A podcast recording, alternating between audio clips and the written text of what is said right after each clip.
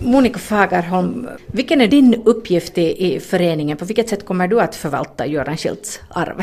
Redan under stiftelsens tid så har jag ju eh, under en ganska lång tid, vi började 2012, så har jag ordnat sådana här, eller liksom dragit sådana här skrivarresor samt också varit, varit med och engagera, eller engagera Merete Mazzarella för, för en ganska populär essäkurs som hålls på Leros. Och nu är då eh, idén den att jag ska fortsätta med resorna, de här resorna som varit väldigt, väldigt populära. Vi har haft deltagare både från Finland och ganska mycket från Sverige.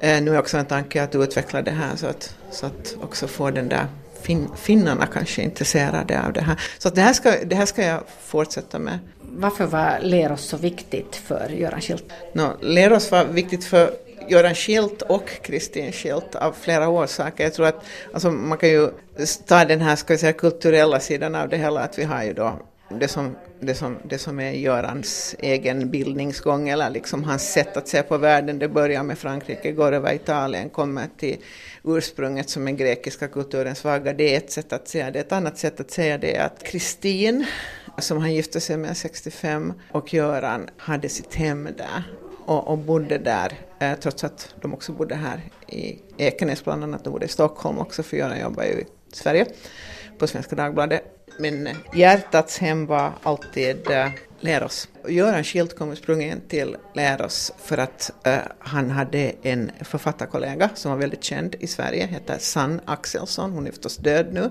som bodde där och hon bodde där uh, lika länge som, som Göran. Men hon sa, hej Göran, det här var i början av 60-talet, kom hit, här ska du komma och bo. Och, och han kom seglande och, och där bosatte han sig eh, och eh, Sanne bodde där och, och ungefär på 50-60-talet, någonting som vi kanske vet ganska lite om nu, så var det liksom en liten koloni, särskilt för rikssvenska författare. Så att om man träffar författare av den äldre svenska eh, generationen ännu i Sverige, så hej, där var vi ju och levde bohemliv och så här. Det är, och, och det här är ju en bit som man gärna lyfter fram. Morten Johansson, du är styrelseordförande för den nya föreningen Vilkolkis vänner. Varför har man grundat en sån här förening? För att utveckla och föra vidare de aktiviteter som Kristin Schilt har utvecklat på Leras samarbete med Ekenäs och med Finland och, med många andra organisationer.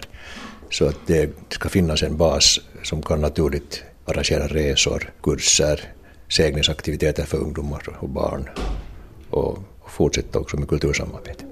Tidigare hade stiftelsen gjort det här och nu har vi separerat på uppgifterna. Stiftelsen koncentrerar sig på Villa Skeppet och vi koncentrerar oss på de här resorna och aktiviteterna och medborgarsamarbetet.